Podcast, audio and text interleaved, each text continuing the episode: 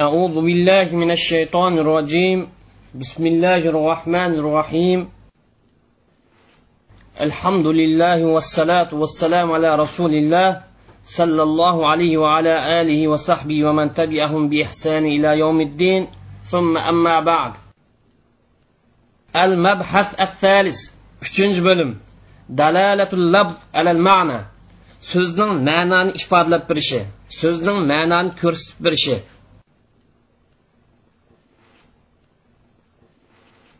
so'z ma'nisini ochiq ifodalab berish yoki ochiq ifodalab berilmaslik e'tibori bilan ikki turga bo'lindi so'z ma'nisi ochiq ko'rsatib berishi yoki ochiq ko'rsatib berilmaslik e'tibori bilan ikki turga bo'lindi birinchi tur vodihatu dalala dalolat ro'shan oydin bo'lg'ini ikkinchi turi dalolati ko'rsatmasi aniq bo'lmag'ini. Biz tuvanda har bir tur haqida alohida tafsili to'xtalamiz. Al matlab al avval birinchi tarmoq. Al vodihatu dalala dalolati aniq bo'lg'ini ko'rsatmasi ro'shan bo'lg'ini hukmi tushunishli bo'lg'ini vodihatu dalala degan gap sirtqi bir uqumga sirtqi bir mazmunga sirtqi bir yordamchilik tayanmaylam. Ma'nisi o'z öz o'zligidan ifodalangan o'z öz o'zligidan chiqib turgan narsani dalolati aniq ko'rsatmasi aniq deymiz. Sirtqi bir narsaga tayanmay sig'isidilam so'zidilam ma'nosi oshkor bo'lgan ma'nosi bilingan so'zni vodihatu dalola ya'ni dalolat aniq so'z deymiz. Hukmi ko'rsatmasi aniq bo'lgan so'z hanifiy mazhabda to'rt turga bo'lindi birinchisi abdohir ikkinchisi annas uchinchisi mufassal to'rtinchisi muhkam. Mush turlar ko'rsatmasining kuchlik aniq mazmunni ifodalab berishi yoki ozroq ifodalab berish orasida farq etadi. Mush turlar ko'rsatmasining ro'shan bo'lish kuch quvvati ojizligida farq etadi. Ro'shanlik eng tuban bo'lgani zoir aning keyin ozroq tuban bo'lgani nas aning keyindan mufassar aning keyindan muhkam. Ya'ni dalolat eng kuchli ko'rsatilgan muhkam aningdan tuvan turdig'ini mufassar aningdan tuvan turdig'ini nas uningdan eng oxirida dalolat bak ojiz bo'lgani dohirdan iborat.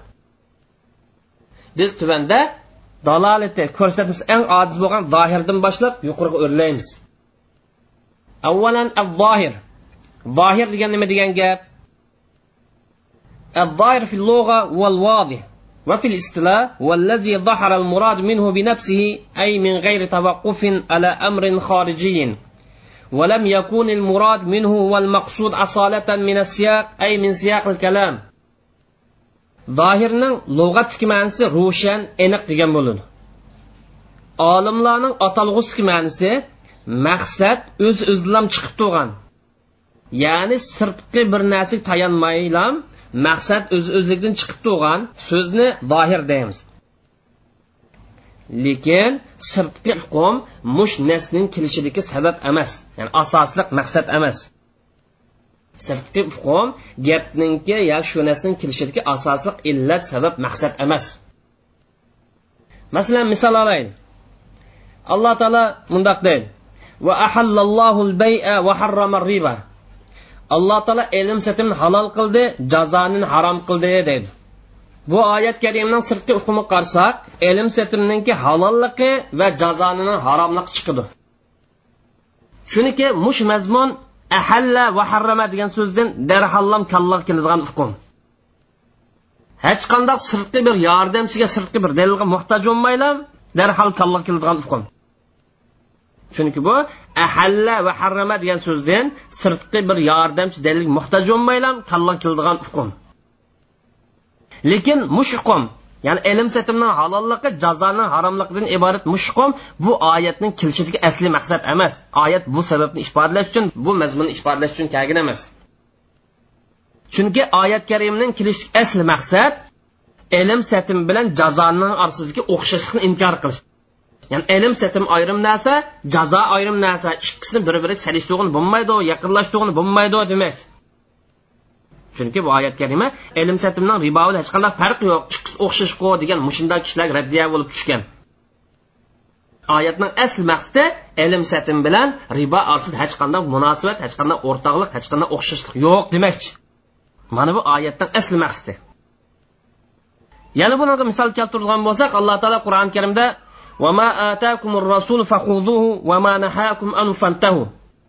payg'ambar sizlarga nimani aytgan bo'lsa qandoq yo'l yo'riq bergan bo'lsa shu bo'yicha ish qilinglar. Payg'ambar sizlar nimadan chakilgan bo'lsa shu ishdan darhol yeninglar. Bu oyat karimaning dalolati ko'rsatmasi qarasak payg'ambar alayhisalom buyurgan har qanday ishga payg'ambar alayhisalom to'sgan har qanday ishga itoat qilishning vojibligi degan hukm chiqadi. Mana bu oyatning doir sirtqi hukmi mush mazmun oyat karimning so'zlari qarsaqlam chiqib turdi. Lekin mush mazmun oyat karimning kirishlik asl maqsad asl sabab emas.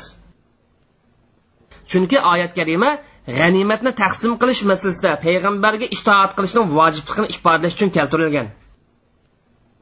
Shuning qo'shimcha payg'ambar alayhissalom mutlaq holat itoat qilishning vojibligim dalil. Garchi bu oyat g'animatni taqsim qilish haqida kelgan bo'lsinmi lekin payg'ambar alayhissalomning buyurgan to'sqan ishlarining hammasida itoat qilishning vojib ekanligi dalildir. Yana buning misoli alloh taolo qur'oni karim fankihu ma toba lakum minan nisa'i mathna va thulatha va ruba' fa in khiftum alla ta'dilu fawahidatan sizlar halol bo'lgan ayollarni olsanglar bo'ladi. Ikkini olamsizlar uchni olamsizlar to'rtni olamsizlar. Agar sizlar odil qilinmaslikdan qo'rqsanglar bir bilan cheklaninglar bir lam ayol alanglar degan.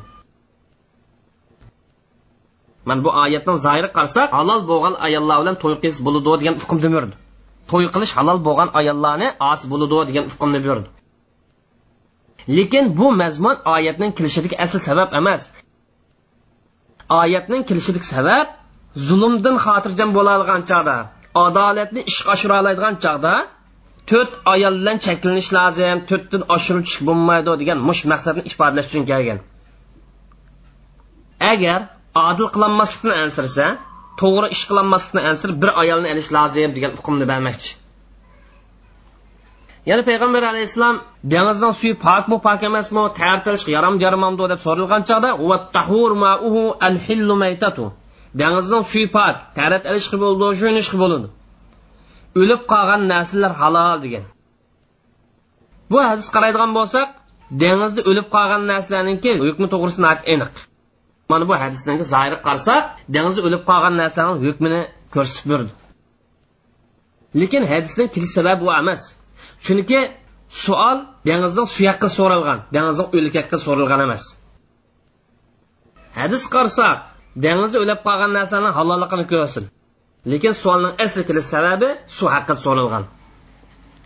Sirtqi hukmni zohir deymiz asl maqsadini nas deymiz. Hukmi zoir. Sirtqi hukmning hukmi qandoq bo'ladi. Buni bilan qandoq muomala qilamiz. Buning ahkomlari nadi nagicha. Zohir birinchi qilib tavilni qabul qiladi. Tavil deganimiz tavilning ma'nosi so'zni oshkor ma'nisidan boshqa bir mazmunga dalil e'tibori bilan yo'tkash deganlikdir. Tavil deganlik om kelgan bo'lsa xoslashtirish mutlaq kelgan bo'lsa muqayyat qilish deganlikdir. Tavil qilgancha so'z haqiqiy ma'nosi maqsad qilinmay majoz maqsad qilin. Undan boshqa tavilniki turlari bor. Masalan om bo'lgan bo'lsa xoslashtirish deganning misol olgan bo'lsak va uningdan keyindikisi halol qilindi dedi. Bu mutlaq. Lekin qur'oni karim masna va sulas va rubaa deb muqayyat keltirdi. Tavilni boshqa turlari deganimiz mushtarak so'z bo'lgan bo'lsa ikki mazmunning birisiga olib berish buyruq siyg'isini vojib qilib boshqa mazmunga olib berish nay siyg'isini haromlik ko'rsatmay boshqasiga olib berishmi mana bu tavilning bir turlari. Tavildan maqsad izohlash ma'nosida. Boshqa hukm bilan izohlash degan bo'ladi. Ikkinchi zohirning ma'nosi bilan amal qilish vojib. Zohirni boshqa mazmun bilan ifodalashni taqozo qiladigan dalil shakllanmasa dalil mavjud bo'lmasa zohirning ma'nosi bilan amal qilish vojib. Zohirni zohirdan boshqa mazmun bilan ifodalashni shariylashni taqozo qiladigan dalil mavjud bo'lmasa zohirninki ma'nosi bilan amal qilish vojib. Ya'ni zohirdan boshqa mazmun bilan shariylaydiganga dalil topilmasa zohirning ma'nisi bilan amal qilish vojib. Chunki asli qoida so'zni zohirdan burmaslik ya'ni haqiqatga opirish majozga chiqarmaslik. Majoz chiqarish uchun yoki asli mazmundan ikkinchi mazmun chiqarish uchun shuni taqozo qilgan dalil bo'lishi lozim. Misol oladigan bo'lsak alloh taolo va ahallallohu bay'a va harrama riba alloh ilm satimni halol qildi jazoni harom qildi. Bu oyatning zohiri ilm satimning hammasi halol degan hukmni ifodalaydi lekin haroqni sotishga bo'lmaydi. Demak umumliq xoslashtirildi ya'ni tavil qilganga boshqa shariylaydiganga hukm chiqdi ya'ni shariat cheklagandan boshqa ilm satimlarni hammasi halol degan bo'ladi. Shundoqlam insonning qashida yo'q narsani sotishmi shariat cheklan uningdan boshqa shariat cheklagan ilm satimning ba'zi turlari bor. Mush shariat cheklagan ilm satimlar yuqori oyatni umumliqini xoslashtirdi ya'ni xoslashtirganlik tavilniki ma'nosi shu. Uchinchi oyatning zohiri mansub qilishni qabul qilgan bo'lsa faqat payg'ambar alayhisalomning davrida bo'ladi undan keyin mansub bo'lmaydi mana bu zohir va zohirning hukmi ثانيا النس dalolati ko'rsatmasi aniq bo'lgan so'zlarniki ikkinchisi nas nas degan maqsad uchun kelgan so'z degan bo'ladi nas deganimiz maqsad uchun kelgan so'z deganlikdir النص في الاصطلاح نسل إصلاح معنسي ما دل بنفس لفظه وصيغته على المعنى دون توقف على أمر خارجي وكان هذا المعنى هو المقصود الأصلي من سوق الكلام nasning islohdagi ma'nosi labzidan ham shakldilan ma'noni sirtqi bir dalilga sirtqi bir ishga qarab o'tmay ifodalagan so'zni nas deymiz lekin mu so'zdan mu siyg'idan kelgan mazmun shu so'zning kelish sababidir shu so'zning kelishidagi asli maqsaddir. Nasning islohdagi ma'nosi so'zi va shakli orqali sirtqi bir yordamchi omilga yordamchi dalil tayanmay asli maqsadni ifodalab kelgan so'zni nas deymiz. Boshqacha tanishtirgan vaqtimizda nas deganimiz so'zligichi tarafidan ifodalangan bir qarina orqali zohirdinmi taximi ochiq mazmunni ko'rsatib bergan so'zni nas deymiz. Nas deganimiz so'zlik tarafidan kelgan bir qarin orqali zohirdinmi ma'nisi ro'shanlashgan ham shakli siyg'isi orqali ham maqsad qilingan mazmunni ifodalab beradigan so'zni nas deymiz. Shuning asosan nas zohir qargan vaqtida ma'nisini ifodalab berishda ko'rsatib berishda jonliq bo'ladi oshkor bo'ladi. Nasning mazmunni oshkor bo'lganligi so'zning mush mazmunni mush maqsadni ifodalash uchun kelganligida. Masalan buni misol keltiradigan bo'lsak alloh taolo va ahallallohu bay'a va harrama riba degan oyatni misol qilishga bo'ladi oyatni zoir hukmi qarasak ilm satim halol jazon harom degan gap chiqadi. Lekin bu oyat karima ilm satim bilan riboning farqi va ikkisi bir biriga o'xshamaydi ikkisi ayrim narsa degan hukmni ifodalash uchun kelgan. Ya'ni oyatning asl asli maqsad shu? Ya'ni ilm satim bilan jazoni o'xshashmasligi oyatdan darhol kalla kelgan ufqum ya'ni nasmu odamning kallasi darhol keladi. Mush mazmun oyatning kelishiga asl sabab. Chunki mush oyat ilm satimmi riboga o'xshashqo jazoni o'xshashqo degan kofirlar raddiya berish uchun kelgan. Hukmi nas. Ham nasni hukmi nima bo'ladi? Nasni ma'nisi taqimi ro'shan bo'lgan taqimi jonliq bo'lgan asli maqsadni ifodalab kelgan so'z dedi. Nasning hukmi zoirning hukmiga o'xshash ya'ni amal qilish vojib.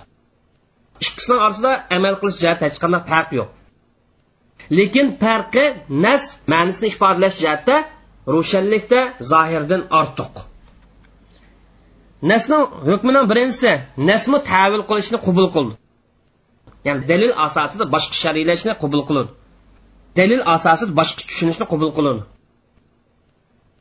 ikkinchi payg'ambar alayhissalomning davrida bo'lib qolsa nas mansub qilish qabul qil endi payg'ambar alayhissalomning davri bo'lmag'achqa mansub amaldan qol mansub topilmaydi. Shuning uchun nas ahkomlar mansub topilmaydi. Uchinchi qilib nasni tavil qilishga bir dalil shakllanmasa ya'ni nasning hukmini boshqa bir ifodalaydigan dalil shakllanmasa nasninki taqazzosi bilan amal qilish vojib. Ya'ni nasning hukmini tashlab boshqa bir mazmunni iroda qilgan dalil bo'lmasa nasning hukm bo'yicha amal qilish vojib. Agar boshqa dalil topilib qolib qolsa tavilninki hukm bo'yicha ko'rsatmasi bo'yicha amal qilindi. Masalan misol olgan bo'lsak alloh taolo hurrimat alaykumul maytatu vaddamu sizlarga o'lik narsalar va qon harom qilindi dedi. Oyat bu dam deb mutlaq aytgan. Demak o'lik narsalarni qonni iste'mol qilish harom qil. Oyatniki nasf ma'ni shu. Ya'ni har qanday qon bo'ladigan o'lik bilan bo'ladigan harom degan hukm chiqadi. Oyatning kelish sababi shu. Lekin oyatning mutlaqligi yana bir oyat bilan muqayyat qilindi. Ya'ni av daman masfuhan. To'kalgan qon bo'lib harom. Unda vaqtda hurrimat alaykum maytat vaddam damdan maqsad mutlaq qon maqsad emas. Ha bu yerda qondan maqsad mutlaq qon emas balki to'kalgan qon harom demoqchi. Ya'ni to'kalmay qolib qolgan jigarni ichidagi talni ichidagi go'shtning tomollarini ichida qolib qolgan qon bo'lib qolsa bu afu qilindi demoqchi. Demak bu damni mutlaq qon demay balki to'kilgan qon deb tavil qilish shunday izohlash mumkin. Al farqu bayna zohir va nas zohir bilan nasni orasida nima farqi bor? Zohir bilan nasni orasida farqlar tuvandikicha birinchi nasning ma'nisiga bo'lgan ko'rsatmasi zohirning ma'nisiga bo'lgan ko'rsatmasidan jonliq bo'ladi ham ro'shan bo'ladi. Ikkinchi nasning ma'nisi so'zning kelishi asl maqsad shu. Zohirning ma'nisi qo'shimcha maqsad asl maqsad emas. Uchinchi nasni tavil qilish zohirni tavil qilish ehtimolligidan yiroqroq. Ya'ni zohir bo'lib qolsa aniq qiliblam tavilni qabul qiladi. Nasmi tavil qilish qabul qildi lekin zohir qarg'avat ozroq qabul qiladi. To'rtinchi farqi nas bilan zohir bir biri qarshilashib qolsa nasni zohirdan ortiq o'rin qo'yamiz kuchlantiramiz. Zohir bilan nasni orasida xulosa gapni javir moit desa nas so'zning kelishidagi asli maqsad. Zohir so'zning kelishi asli maqsad emas balki qo'shimcha maqsad deganlikdir. Attavil biz yuqorida zohir nas to'g'riliq so'zlagan tavil to'g'riliq gap chiqdi shuning uchun bu yer tavil degan nima degan gap? Buni bir izohlab o'tmay bo'lmaydi. Zohir bo'lsin nas bo'lsin tavilni qabul qiladi dedik tavil degan zot nima degan gap? Tavilning hammasi qabul qilinamdi shartlar bormi yo'qmi degan masala haqida to'xtalib o'tamiz. Tavilni lug'atdagi ma'nosi tafsir qilish izohlash tushuntirish degan bo'ladi. Tavilni lug'atdagi ma'nosi ala yauludan qaytgan ma'nosida. Masalan buni misol vabtig'o tavili ya'ni vabtiqo tavildan maqsad shuning munosabatli narsani izlash deganlikdir.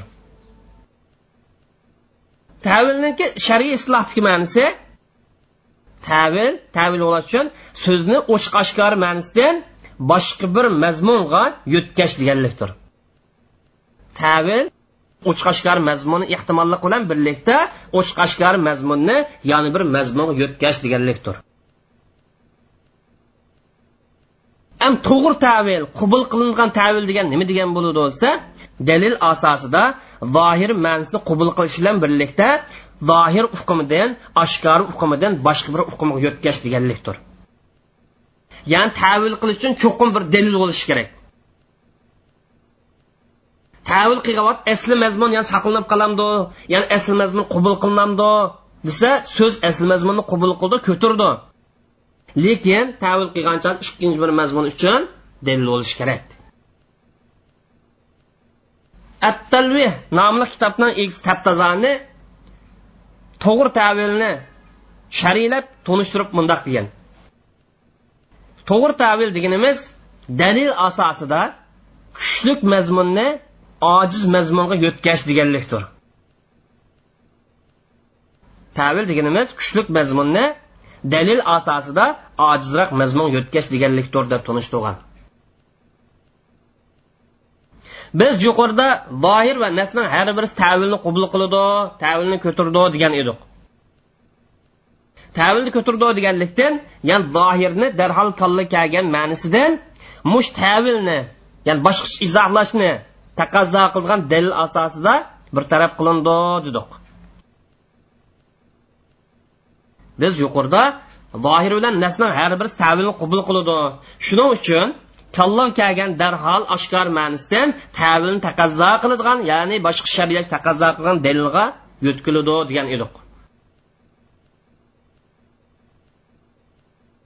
Asli so'z zohir hukmdan boshqaroq mangmaslik kerak ya'ni bu deganlik zoirdan boshqa yo'tkamaslik deganlikdir. Tavil deganimiz so'zni sirtqi hukmidan boshqa bir hukmga yo'tkash deganlikdir. Tavil qilish uchun cho'qim qubul qilingan dalil bo'lishi kerak. Tavil uchun cho'qim dalil bo'lishi kerak. Shuning uchun tavilni ikki turga bo'lamiz tavilni birinchi turi qubul qilingan to'g'ri tavil ikkinchi turi rad qilingan posit tavil. Endi qubul qilingan to'g'ri tavil deganimiz tavil qilishningki shartlari to'liq topilgan bo'lib qolsa buni to'g'ri tavil deymiz. Tavilninki shartlari tuvandiksa birinchi so'z tavil qilishni qubul qildigan qatodim bo'lishi kerak. Ya'ni zohir nas bo'lishi kerak. Zohir bilan nas bo'lib qolsa tavilni qubul qildi. Ammo mufassar aniq izohlar bilan muhkam nas bo'lib qolsa buni hech qaysi tavilni qubul qilmaydi. Ya'ni tavil zohir bilan nas bilan mangdi mufassir muhkam kuch yetmaydi. Mufassirlar muhkamni boshqa shariyligini bo'lmaydi. Uni ma'nisi aniq ham ro'shan keskin bo'ladi. Ikkinchisi so'z tavil qilish ehtimolliq bo'lishi kerak. Ya'ni so'zni ojiz ehtimolliq bo'lib qolsin opposak oppog'in bo'ladi deydigan ehtimolliq bo'lishi kerak. Zodlam ojiz ehtimolliq yo'tgini bo'lmasa bir mazmundan ikkinchi bir mazmunga yo'tkash ehtimolliq bo'lmasa bu tavil to'g'ri deb qaralmaydi masalan qur'onga salasata quru qur'i degan gapni hez yo tohirdan boshqa mazmunga tavil qilaman desak oqmaydi. Qur'i deganimiz yo hez bilan mangdi yo tohir bilan mangdi bundan boshqa mazmunga tavil qilmasa tushmaydi. To'g'ri tavilni uchinchi shart. Tavil nasq tayansin yo qiyos tayansin yo ijmo tayansin yo shariatning hikmatiga tayansin yo shariatning umum prinsiplari tayansin qaysi bir tayanishidan qat'iy nazar aql siqqidek qabul qilingandek dalil asosi shakllanishi kerak. Tavil cho'qim nasq tayinishi yoki qiyos tayinish lozim yoki ijmoga yoki shariatning maqsadlariga tayinish lozim. Masalan ijmo tayinish nimaga o'xshaydi desak tavil qilishda niso surasiga valav ahun av uxtun degan mush oyat kalimdan maqsad ona tarafni qarindoshlar maqsad bu bir tuqqan qarindoshlar yoki dodining bir qarindosh tuqqanlari maqsad emas degan ijmo kelgan. Am shariatning maqsadi asosida tavil qilsak bo'ladi deganimiz bu nimaga o'xshaydi desak masalan har bir qirq qo'yga bir qo'y zakot keladi deganda zakot qo'yning o'zini chiqarsak bo'ladi yoki qimmatini chiqarsak bo'ladi deganlikdir. Ya'ni qo'yning o'zini chiqarganni o'rnida qimmatini bersak joiz bo'lsa joiz deganlik. Va o'zini bermay qimmatini biribsan pulni beribsan bo'lsa bu shariatning maqsadiga bo'ysunganlik shariatning maqsadini asos qilganlik. Chunki shariatning maqsadi kambag'allarning ehtiyojini qondirish. Qo'yni versakmi qonudi pulni versakmi qonudi deganga o'xshash. Agar tavil yuqoriga o'xshash nas yo qiyos yoki ijmo yo shariatninki hikmati yoki umum prinsiplardan iborat qubul qilingan bir dalil tayanmaydi ekan bu tavil qubul qilinmaydi rad qilindi. To'g'ri tavilni to'rtinchi sharti tavil aniq kelgan nasga qarshi kelmasligi kerak. Mush to'rt shartga rioya qilgan tavil bo'lib qolsa qubul qilindi agar mush to'rt shart rioya qilinmagan tavil bo'lib qolsa qubul qilinmaydi. Tavil mush to'rt shart bo'ysungandan keyin ba'zi tushunishga oson bo'ladi. Bu tavilni ifodalash uchun kichikkina bir dalil bo'lsa kifoya ba'zida tushunishdan yiroqroq tashrak tavil bo'ladi bunga bir dalil kifoya qilmaydi. Balki qubul qilingan tavil qilish uchun kuchli dalil lozim. Jiroq tavil uchun kuchli dalil bo'lmay qolib qolsa qubul qilinmaydi rad qilindi. To'g'ri tavilni qatoridan va ahallallohu baya degan mush oyat kalimdan ilingan bayining umumligini xoslashtirish bu oyat har qanday bay bo'lib qolsa halol degan hukm chiqadi. Lekin sunnat inson qashir yo'q narsasi bo'lmaydi degandek muayyan turdagi ilm sitimlardan cheklagan hadis sharifga asosan oyat karimni boshqacha izohladi bo'lmasa oyatning o'zini oldigan bo'lsak har qanday ilm setim halol deganlik chiqadi lekin sunnat qachon yo'q narsa satsang bo'lmaydi dedi. Demak boshqa ish izoh qildi. Ya'ni bu yerda maqsad shariat cheklangandan boshqa ilm satimning hammasi halol demakchi. Bu tavildagi ma'nosi. Ya'ni to'g'ri tavilning ma'nosi alloh taoloni so'ziga val mutallaqat yatarabbasna bi anfusina salasat quru degan mush oyat karimdan ilingan taloq qilingan ayollarning umumisi kelsak bu bir yer bo'lgan ayollar xos ya'ni oyatning tafsiri taloq qilingan ayollar ikkinchi qatim ayak tegishdan ilgari uch hay saqlaydi degan oyat karimga kelsak bu bir yat bo'lgan ayollar qatilgan voy nimish taloq qilinganda mutlaq demay bir bo'lgan ayollar deb xas qilib qo'ydi nimish bunda sharilaysan nimish bunda tavil qilsan izohlaysan desa buning dalili alloh taolo. Ya ayyuhallazina amanu idza nakahtumul mu'minat thumma talaqtumunna min qabli an tamassuhunna fama lakum alayhinna min iddatin ta'taduna. Ey mu'minlar agar sizlar mo'min xonimlarni olgan bo'lsanglar aning kendin bu xonimlar yaqinlashishdan ilgari bir yer bo'lishdan ilgari to'shakda yetishdan ilgari taloq qilib o'tgan bo'lsanglar ularning iddati yo'q ular iddat tutmaydi degan. Model asosan xoslashtirib tushundiq shundoqlam taloq qilingan ayollarning mutlaqligini ig'riyoq ayol bo'lmaslik kerak deb xoslashib tursak bo'ladi? Ya'ni har qanday ayol uch hay saqlaydi taloq qilgan ayolning hammasi uch hay saqlaydi degan maqsad yo'q ig'riyoq bo'lib qolsa undoq bo'lmaydi deb qaslash tursak bo'ldi. Ya'ni bundoq tushunsak bo'ladi chunki ig'riyoq ayolning iddati tug'ish bilan tugaydi. Buning dalili va ulatil ahmal ajalahunna ayyadana hamlahunna. Ig'riyoq ayollarninki iddati tug'ish bilan tugaydi degan. Yana bir misol olsak vala yubdina zinatahunna illa ma zahara minha. Ayollar oshkor bo'lib qolgandan boshqa zinatlarni oshkor qilishga bo'lmaydi degan. Olimlar bu oyatni tavil qilib tafsir qilib izohlab ya'ni yuz bilan olqon cheklangan rayon kirmaydi cheklangan doir kirmaydi deb tavil qilgan. Shundoq ham to'g'ri tavilning qatoridan durust bo'ladigan tavilning qatoridan hadis sharifga va fi kulli arbaina shatan shatun degan ma hadisga qo'yni qimmati bilan puli bilan deb tavil qilsak izohlasak durust. Unda bo'lgancha hadisning har bir qirq qo'yning zakiti bir qo'y berishdir yoki shu bir qo'yning pulini berishdir deganlikdir bu tavilni nimaga asosan pulni bersak bo'ladi? Nadan topding bu dalilni desa zakotdan maqsad kambag'allarning ehtiyojini qondirishdir. Bu maqsad qo'yning o'zini bersak hosil bo'ladi ham qo'yninki pulini qimmatini bersakmi hosil bo'ladi. Bu maqsad kambag'allarga qo'yning o'zini bersak hosil bo'ladi ham zakot tegishli qolgan kishilar qimmatini bersakmi hosil bo'ladi. Shundoqlam to'g'ri tavillarni qatoridan bayi degan so'zni hibiga olib borsakmi durust? Ya'ni ilm satim degan gapni hiba beryapti ya'ni badalsiz bakoga igi qilib qo'ydi degan ma'niga olib borsak bo'ladi? Ham aksiga olib borsak bo'ladi? Ya'ni hiba qilish deganni sotdi degan ma'niga olib borsakmi? Lug'at ko'tarin. Ya'ni mushning dil bo'lib qolsin. Chunki har bir ikki so'z umum qilib aytgancha yana bir so'zning ehtimolligini qabul qilgan bo'lganligi uchun durust yuqorqisi tushunishli bo'lgan oddiy bo'lgan tavilniki misollar ba'zi tavil bak ijroq bo'ladi bu tavil qabul qilingan dalilga tayanmaydigan tavil bo'lib qoladi shuning uchun dalilga tayanmaganligi uchun bu tavilni qabul qilmaymiz. Masalan buni misoli hadis sharifda fayruzi daylami degan odam ikki ot singilni elib musulmon bo'lganligi rivoyat qilingan ya'ni bu odam musulmon bo'lgan chog'da bu odamniki ikki ayol bo'lib ikkisi ot singildi payg'ambar alayhissalom bu odamga ikki ot singilni qaysini xohlasang birini tutib qol yana birisi ayrilib ket ikki ot singilni tang tutishga tang xotin qilishga bo'lmaydi degan edi. Buningda darhol chiqadigan hukm payg'ambar alayhissalom payruzga ikki ayolni qaysini xohlasang ayrilib ketib birisini ab qol birisi bilan uyang davomlashtir demoqchi. Lekin hanifiy mazhab bu hadisni tavil qilib bu deganlikni ma'nosi birinchi ayolingni tutib qol ikkinchi ayolingni ayrilib ket deganlik. Ya'ni ikki ayolni bir nikoh bilan olgan bo'lsa qaysini burun nikoh qilgan bo'lsang shuni tutib qol ikkinchi qatim nikoh qilganni ayrilib ket. Birinchi qatim so'z shu birinchi ayoli ikkinchi qatim qilsa ikkinchi ayoli hisoblandi deb tavil qilgan. Hanifiy mazhab bu tavilni qiyos tayangan ya'ni hanifiy mazhabning tavil qilish dalili musulmon qiyos qilgan. Agar bir musulmon bir nikohda yoki bir necha qatimliq nikohda ikki osingni olgan bo'lsa birinchi qatim dastlab bo'lg'ini qonunli xotini hisoblandi ikkinchi qatim og'in to'g'rilmaydi uni ayrilib ketish kerak deganga qiyos qilgan.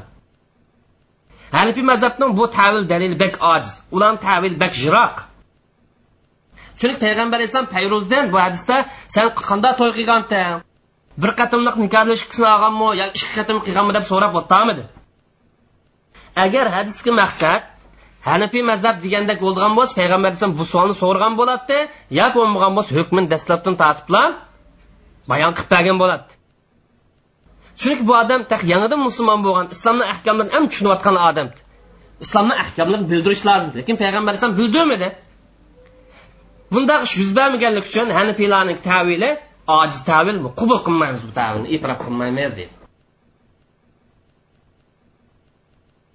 التعويل في القوانين الوضعية insonlar tuzgan qonun tavili qanday qaraydi ya'ni nasni boshqa ifodalash boshqa tushuntirish bormi yo'qmi deydi shar'iy nususlarda tavil qilish durust bo'lgandek insonlar tuzgan qonunnimi tavil qilish durust bo'lib qolsa yo'lliq bo'lib qolsa durust. Masalan buning misoli misrning jinoiy ishlar qonunida o'g'irlik jazosida leyl kecha degan bir so'z kelgan. Kecha degan so'zni ig'ir sharoit tas sharoit deb tafsir qilingan. uch yuz o'n uchinchi maddasida uch yuz o'n yettinchi maddasida tas sharoit qiyin sharoit deb izohlagan. Shundoqlam misrning jinoiy ishlar qonuni uch yuz ellik ikkinchi moddasida uch yuz ellik oltinchi moddasida kecha degan so'zni yizikli saymonlarni buzib o'tishda ig'ir sharoit qiyin sharoit deb izohlagan.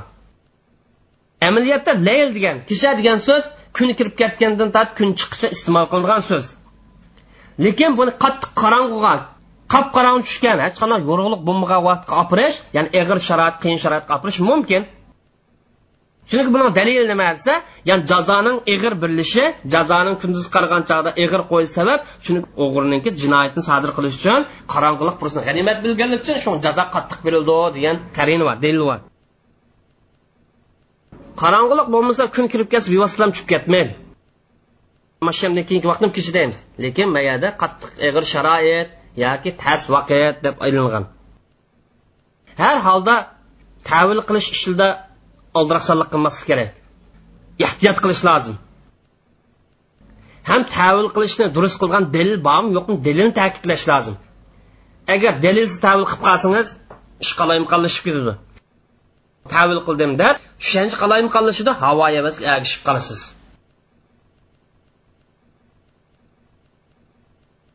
Salisan al mufassar mufassar degan tasrdan chiqqan ya'ni kashf etish ma'nosida ya'ni ma'nisi ro'shan degan bo'ladi. Buni islohdagi ma'nisi nasqarg'avo taqimi ro'shan bo'lgan o'z öz o'zligidan tafsili ma'nisini ko'rsatib bergan so'zni mufassar deymiz. Mufassarda tavil qilish hech qanday o'rin qolmaydi. Mufassar deganimiz izohlab turadigan bir bayon agashgan so'zni mufassar deymiz. Shuning uchun bu nasqarg'ancha taqim ro'shan bo'ladi. Maqsad sig'sulallam oshkor bo'ldi. Mufassada sig'sulallam ma'nisi maqsad nima ekanligi oshkor bo'ldi. Ya'ni so'zning o'zi bilan ma'nisi ro'shanlashadi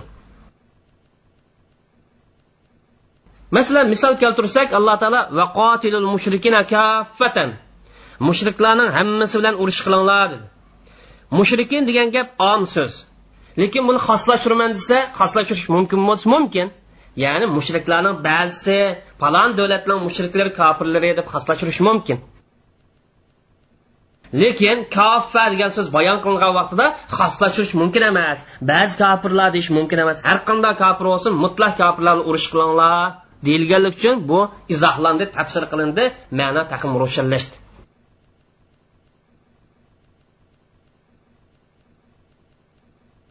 yana buning misoli والذين يرمون المحصنات ثم لم يعطوا بأربعة شهداء فاجلدون ثمانين جلدة degan oyat karima oyat karima tamanin sakson degan so'z ya'ni pok ayollar tuhmat chaplaganlar kelsak ular to'rt guvochini keltirolmay qolib qolsa sakson darra uringlar degan bu oyat karimadiki tamanin degan so'z tavil qilishni qabul qilmaydi chunki muayyan so'z oshirishni yo kamaytirishni qabul qilmaydi shuning uchun bu mufassir ya'ni ma'nosi ochiq bo'lgan ro'shan bo'lgan so'zdan qatordir yana buni misol alloh taolo riyat bo'lishdan ilgari taloq qilingan ayollarning iddat to'g'risida mundoq degan. Sizlar bir yat bo'lishidan ilgari taloq qilingan ayollar bo'lib qolsa bular iddat tutmaydi degan. Tataduna degan ma so'z qarasak iddatni hammaylan tunishib qo'ygan taloq qilingan ayollar saqlab turadigan kutib turadigan muddatdan boshqa yerga opirish tavil qilish mumkin emas. Shuning uchun bu yerda iddatning ma'nosi mufassir ro'shan aniq degan bo'ladi. Yana buning misoli bir odam ayoli tallaqi nafsaka vahidatan o'zingni bir qatim taloq qilib olgin degan bo'lsa tallaqi degan gap xos gap. Tavil qilish mumkin. Taloq qilib uchga opirish mumkin birga opirish mumkin. Lekin kayindan bir qatim deganlik uchun bu yer tavil qilish ehtimolligi yo'qoldi. Boshqa izohlaymiz izohlash mumkinchilik yo'q. Faqat bir qatimliq yo'lliq bo'lmasa yo'lliq emas. Yana buning misoli qur'oni karimda ixcham holatda kelgan so'zlar kelsak bu so'zlarni sunnat hadis sharif tafsil bayon qilgan bo'lsa buning ixchamliq yo'qoladi bu vaqt mufassar tafsili bayon qilingan ro'shanlashtirilgan so'zdan qatoriga o'tadi. Masalan vaqimus salata va atu zakata degan oyat karimga o'xshash.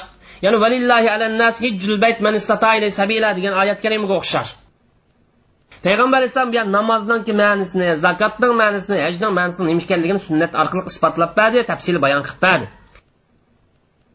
ham so'zlari ish harakatlari orqali maqsadni ro'shanlashtirib berdi shuning uchun bu so'zlarni tavil qilishni boshqacha izohlashni qabul qilmaydigan mufassarni qatoriga o'tib ketdi. Mufassarning hukmi. Mufassarning hukmi nima?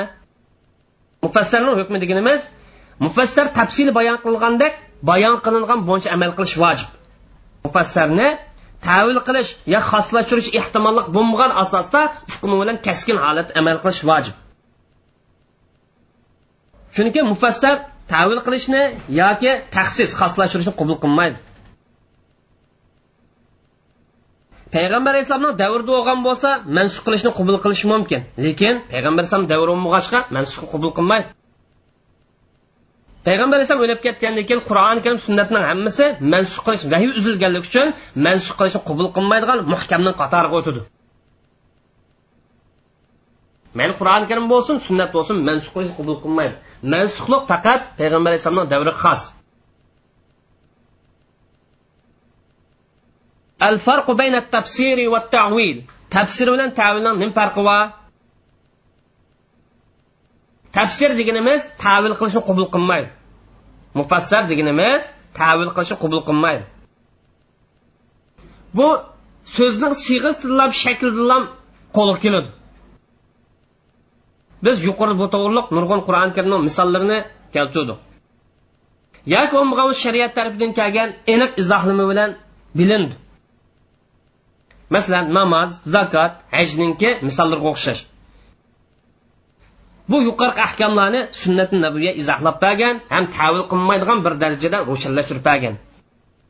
Tafsil bayon qilib bergan. Bu tafsir so'z yoki siyg'isi qo'shildi. Ya'ni so'zidan aniq mazmun chiqib turdi. Ma'nisidan emas so'zidan chiqib turdi. Shuning uchun bu nasning bir qismi deyish bo'ladi nasning bir qismi deb qaraldi ammo tavil kelsak tavil degan so'zdan bo'lgan maqsadni ijtihod yo'li orqali kuchli dalil asosida ehtimoliy dalil asosida vanniy dalil asosida bayon qilish deganlikdir. Ya'ni keskin dalil asosida emas ehtimoliy dalil asosida bayon qilish deganlikdir. Tavilni dalili keskin bo'lmaydi. Mufassarni dalili keskin bo'ladi ya'ni mufassarda nas shariat tarafidan yo qur'oni karimdan yoki hadis sharifdan tafsir qilindi ro'shanlashtirildi shuning uchun mujtahidlarning tavilini mujtahidlarning ko'z qarashini tushuntirishni kaskin emas deymiz. Ya'ni ehtimoliy deymiz.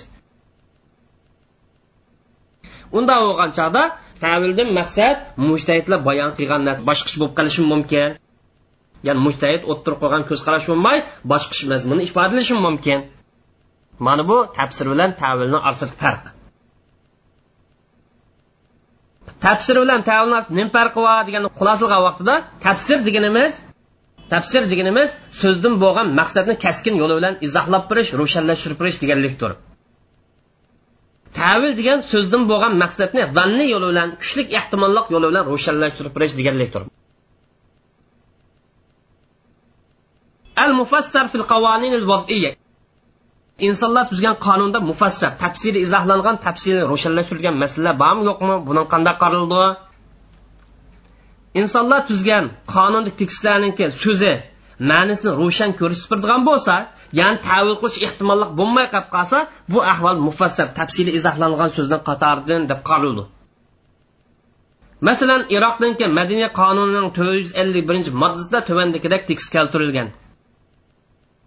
Takunu sanadat rasmiya hujjatan ala nas kaffatan rasmiy materiallar rasmiy hujjatlar kishilarning hammasiga shu material nima to'plangan bo'lsa nima tizimlangan bo'lsa nima yozilgan bo'lsa shu bo'yicha hujjat bo'ladi pakt bo'ladi.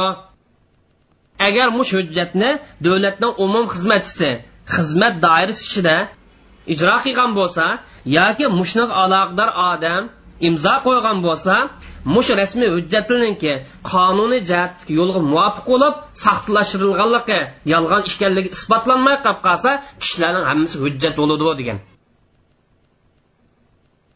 Mush temada bayon qilingan hujjatlar materiallar kishilarning hammasi o'rtaq holat hujjat degan so'z kelsak noz degan so'zdan keyin kappa degan so'zdan kelganligi ba'zi kishilarga xosmiki ba'zi kishilarga aloqadormiki degan ehtimollikni yo'qotib tashladi. Shuning uchun bu aniq izohlangan aniq ro'shanlashtirilgan so'zdan qatoridan hisoblandi. Mufassirninki insonlar tuzgan qonun misolga bir misolni olsak mushunchalik olsak kifoya. Ikkinchi misolni olmasak yetadi.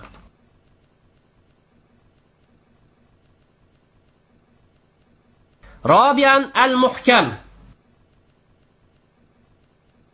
dalolat aniq bo'lgan ro'shan bo'lgan so'zlarning qatoridan birisi muhkamdir. muhkamning lug'atik ma'nosi mutqan fuqta degan bo'ladi. Shariy islohdagi ma'nosi vallazi zaharat dalalatu bi nafsihi ala ma'nahu zuhuran qawiyan ala nahwin akthar mimma alayhi mufassar wa la yaqbalu at-ta'wila wa an-nasx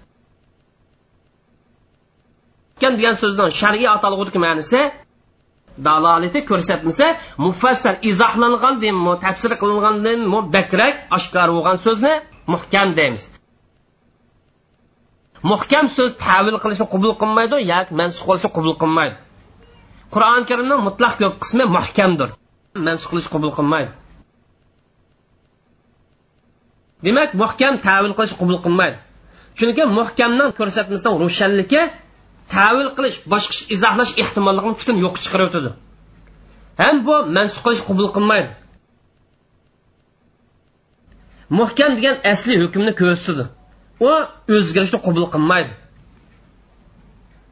Xarakterda hech qanday mansub qilishni qabul qilmaydigan asosli ahkamlarni qatoridan alloh ishonish qiyomat kuniga ishonish payg'ambarlarga ishonish to'g'riliq kelgan oyat karimalar nasla hadis shariflar. Shundoqlam zulmni haromligi odil ish qilishni vojiblik to'g'riliq kelgan oyat karima va hadislardir. Ya'ni islomning asosiy prinsipal masalalari kulliyat masalalari xalqiliq masalalari mansub qilishni qabul qilmaydi ya'ni kulliyat masala prinsipal masala asosiy masalalarning hammasi muhkamning qatoridan ya'ni axloq prinsiplari bo'lsin ibodatning asosi bo'lsin aqida masalalari bo'lsin ya'ni aqida usuliy masalalar bo'lib qolsin bu mansub qilishni qabul qilmaydi. Shundoq ham mansub qilishni qabul qilmaydigan mangu davomlashadigan tarmoq ahkamlarni qatoridan alloh taoloninki tubandagi so'zdir. Vala taqbalu lahum shahadatan abada. iffatlik ayollarga tuhmat choplaganlarniki guvohligini hargiz qabul qilmanglar degan so'zmi bu mansub qilmaydigan abadiy davomlashadigan hukmdir alloh taoloninki alloh taoloninki payg'ambar alayhisalomning ayollarini payg'ambar alayhisalom o'lib ketgandan keyin elish harom degan so'zimi o'zgarmas ahkamdir chunki alloh taolo bundan keyin وما كان لكم أن تؤذوا رسول الله ولا أن تنكحوا أزواجه من بعد أبدا sizlar payg'ambar alayhissalomga ozor bersanglar bo'lmaydi ham payg'ambar alayhissalomdan keyin payg'ambar alayhissalomni ayollarini qat'iy osoni bo'lmaydi degan. Ya'ni kaskin holat aniq holat bayon qilgan. Yana bir misol payg'ambar alayhissalom al jihad mazin ila yomil qiyama jihad qiyomat kunigacha davomlashadi degan. Ya'ni bu turdagi muhkamni muhkamni ayni ayni muhkam deymiz. Ya'ni o'z öz o'zligidan muhkamlik chiqib turdi deymiz. Ya'ni boshqa yerdan kelgan emas nasning o'zidan buni puxtaligi hech qanday ehtimollikni boshqacha izohlashni qabul qilmaydigan turi deymiz. Mana bu bizdan to'xtalmoqchi bo'lganimiz muhkamli ayni maqsad. O'z o'zligidan muhkam bo'lgan muhkam ba'zida muhkam lig'ayri boshqa bir illat uchun boshqa bir sabab uchun ya'ni sirtqi dalil sababidan muhkam deb atiladi lekin biz u to'g'riliq bu yerda to'xtalmaymiz. Hukmil muhkam. Muhkamning hukmi nimadan iborat? Muhkamning ko'rsatmasi nimani ko'rsatgan bo'lsa kaskin holati buni amal qilish farz. Vojib. Muhkam ko'rsatgan ma'nidan boshqa mazmunni ko'tarmaydi. Ham mansub qilishni qabul qilmaydi ham amaldan qoldirishni qabul qilmaydi kaskin holat amal qilish vojib. Marotib vodhir dalala dalolat aniq bo'lgan ko'rsatmasi aniq bo'lgan so'zlarniki darjalari biz yuqorida hukmi aniq bo'lgan so'z to'rt turlik bo'ladi bular zohir nas mufassir muhkam deb to'xtaldik. Har birisidan dalolat ko'rsatmasi aniq. Lekin ko'rsatmasiniki bak aniq bo'lish yoki ozroq aniq bo'lish oralig'ida farq bor. Shu sababdan ko'rsatmasidan bak kuchli aniq bo'lgani muhkam. Aninkan ikkinchi o'rin turdigani mufassal. Aninkan uchinchi o'rin turdigani nas to'rtinchi o'rin turgan doim ham ko'rsatmasining asl farq mushu. So'zlar bir biri qaram-qarshi kelib qolgan chog'da shu vaqt namoyon bo'ladi agar zohir so'z bilan nas so'z qaram qarish kelib qolsa nasni oldin qo'rin qo'yamiz. Chunki nasning hukmi zohirdan aniq. Nas bilan mufassar qarshilashib qolsa mufassar nasning oldiga suramiz. Kam oyat bo'lib qolsa hammani oldiga qo'yamiz. Biz uchinchi bo'limda ani taarud va tarji dalillar bir biri qarshilashib qolib qolsa qandoq qilamiz? Dalilni qaysi asos kuchlantiramiz degan mushtim haqida misollarni bayon qilamiz. Uchinchi bobga berishdan ilgari bu atalg'ularni har birisi to'g'riliq bir oz misol keltirayin. Masalan zohir bilan nas qarshilashib qolib qolsa qandoq bir taraf qilamiz deganga misol keltirayin. Alloh taolo qur'oni karimda uningdan boshqa ayollar sizlarga halol de. Yana alloh taolo sizlar ayollar ikki yoki uch yoki to'rt ayolni olsanglar bo'ladi degan. Birinchi oyat karima va degan oyat karima yuqorida harom qilingan ayoldan boshqasini olsanglar bo'ladi degan mutlaq kelgan. Bu nasning doiri. Bu zohir deymiz chunki nasniki doiri shundan chiqadi. Am ikkinchisida degan oyat karima nas va bu yerda nas uchun kelgan.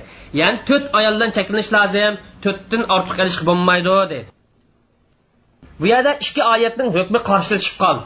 Shuning uchun nasning hukmini oldiga suramiz. Chunki nas zohirdan kuchlik. Amal qilish kelgan chog'da nas birinchi o'rinda turdi. Shuning uchun to'rtdan o'shiq ayol ilish harom degan hukmni kuchlantiramiz. Nas bilan mufassarninki qarshilashib qolganning misol. Payg'ambar alayhissalom al mustahazatu tatavaddau inda kulli salat xun kislik giribtor bo'lgan ayol har bir namozni vaqti kelgancha tarat oladi degan. Bu nas. Ya'ni har bir namozni vaqti kelgancha tarat oladi degan.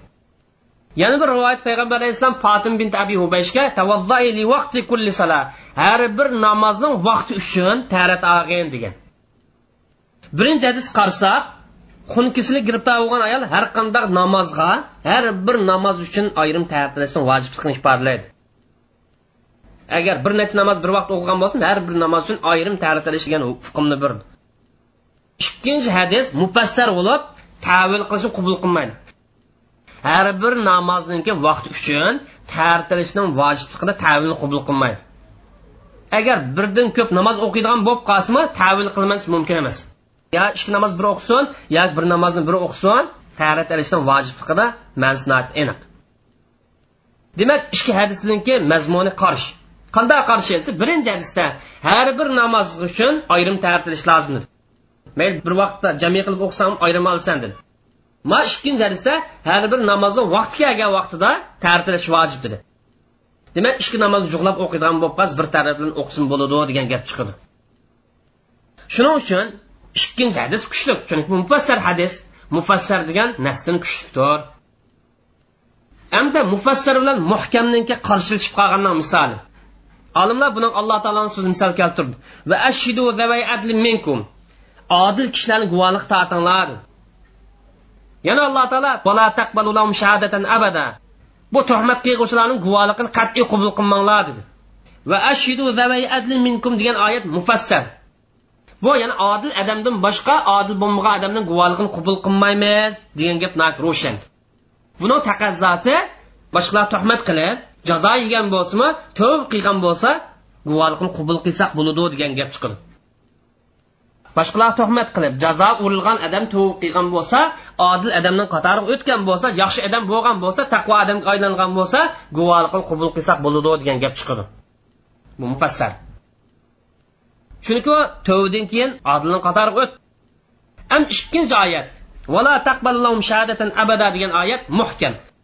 Chunki bu abada degan so'z bilan aniq qilib kaskin qilib zot har qanday vaqtida mayli tövbe qilsin tövbe qilmasin buni guvohligini qabul qilmanglar degan. Bu oyatning taqazzosi garchi u odam tövbe qilsinmi guvohligini qabul qilish bo'lmaydi deganlik chiqadi shuning uchun ikkinchi oyatni birinchi oyatdan kuchlantiramiz. Ikkinchi oyat muhkam birinchi oyat mufassar shu sababdan boshqalar tuhmat qilib darrigan odam tövbe qilib ketsa uning guvohligini qat'iy qabul qilmaymiz deydi. Am muhkam bilan nas qarshilashib qolganlar misoli. Alloh taolo va uhilla lakum ma varo'a zalikum uningdan keyingi ayollarni olsanglar halol degan. Ya'ni cheklangandan boshqa ayollarni olsanglar halol degan. Yana alloh taolo payg'ambar alayhisalomni ayollari to'g'riliq. Va ma kana lakum an tu'zu rasulallohi va la an tankihu min ba'di abada. Birinchi oyatda yuqorida bayon qilingan erish harom qilingan to'y qilish harom qilingan ayollardan boshqasini oson muboh deb mutlaq keldi. Muboh deb ifodalab nas keldi.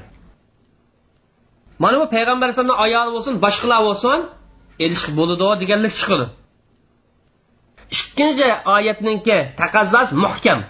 Buni hech qanday qirsig'maydi sum o'tmaydi. Ya'ni mansub qilib o'tishni yoki tavil qilish qabul qilmaydi. Ya'ni payg'ambar alayhisalomni ayollardan birasini erishning haromligini keskin ifodalaydi shuning uchun muhkamni oldini o'rin so'raymiz chunki muhkam nasdin kuchlik. An muhkam bilan zohir qarshilashib qolgan bir misol keltiraylik. alloh taolo va makan lakum an tu'zu rasululloh va la an tankihu azvajan min ba'di abada. Sizlar payg'ambar alayhisalom azoblasangiz bo'lmaydi. Rasullarning ayollarini rasullardan keyin olsangiz bo'lmaydi degan. Bu oyat muhkamdir. Degan ma oyat karima zoir ya'ni xohlagancha ayollarni olsangiz bo'ladi deganlik chiqin. Ya'ni to'y qilsangiz durust degan gap chiqin. Birinchi oyat karima muhkam. Ya'ni payg'ambar alayhisalomni ayollarini elish harom degan hukmni berdi. Ikkinchi oyat karim ayollarni hammasi to'y qilsa bo'ladi degan hukmni berdi. Shuning uchun bu yer muhkamni oldin qo'rin surmaymiz chunki muhkam zohirdan kuchli. Bu yer shuni munosa qilish kerakki bu yuqorqi so'zlarni hukmlarni bir biridan ushlandirgan vaqtida darajat o'xshash bo'lishi kerak. Yo ikki oyatni oyat orasida yo ikki hadisni hadis orasida kuchlantirish kerak hamda ikki oyat qarshilik yuz bermabdi. Yo ikki hadis orasida qarshilik yuz bermagan bo'lsa u vaqtda bir birisini orasiga qarshilik paydo qilish yo kuchlantirish to'g'ri emas. Masalan oyat bilan hadis qarshilashib qoldi degani bo'lmaydi. Oyat mutlaq holat har qatim oldiga o'tadi. Har qanday holatda oyatni birinchi o'ringa qo'yamiz. Hadis bilan oyat qarshilashib qoldi demaymiz. Masalan buni misol alloh taolo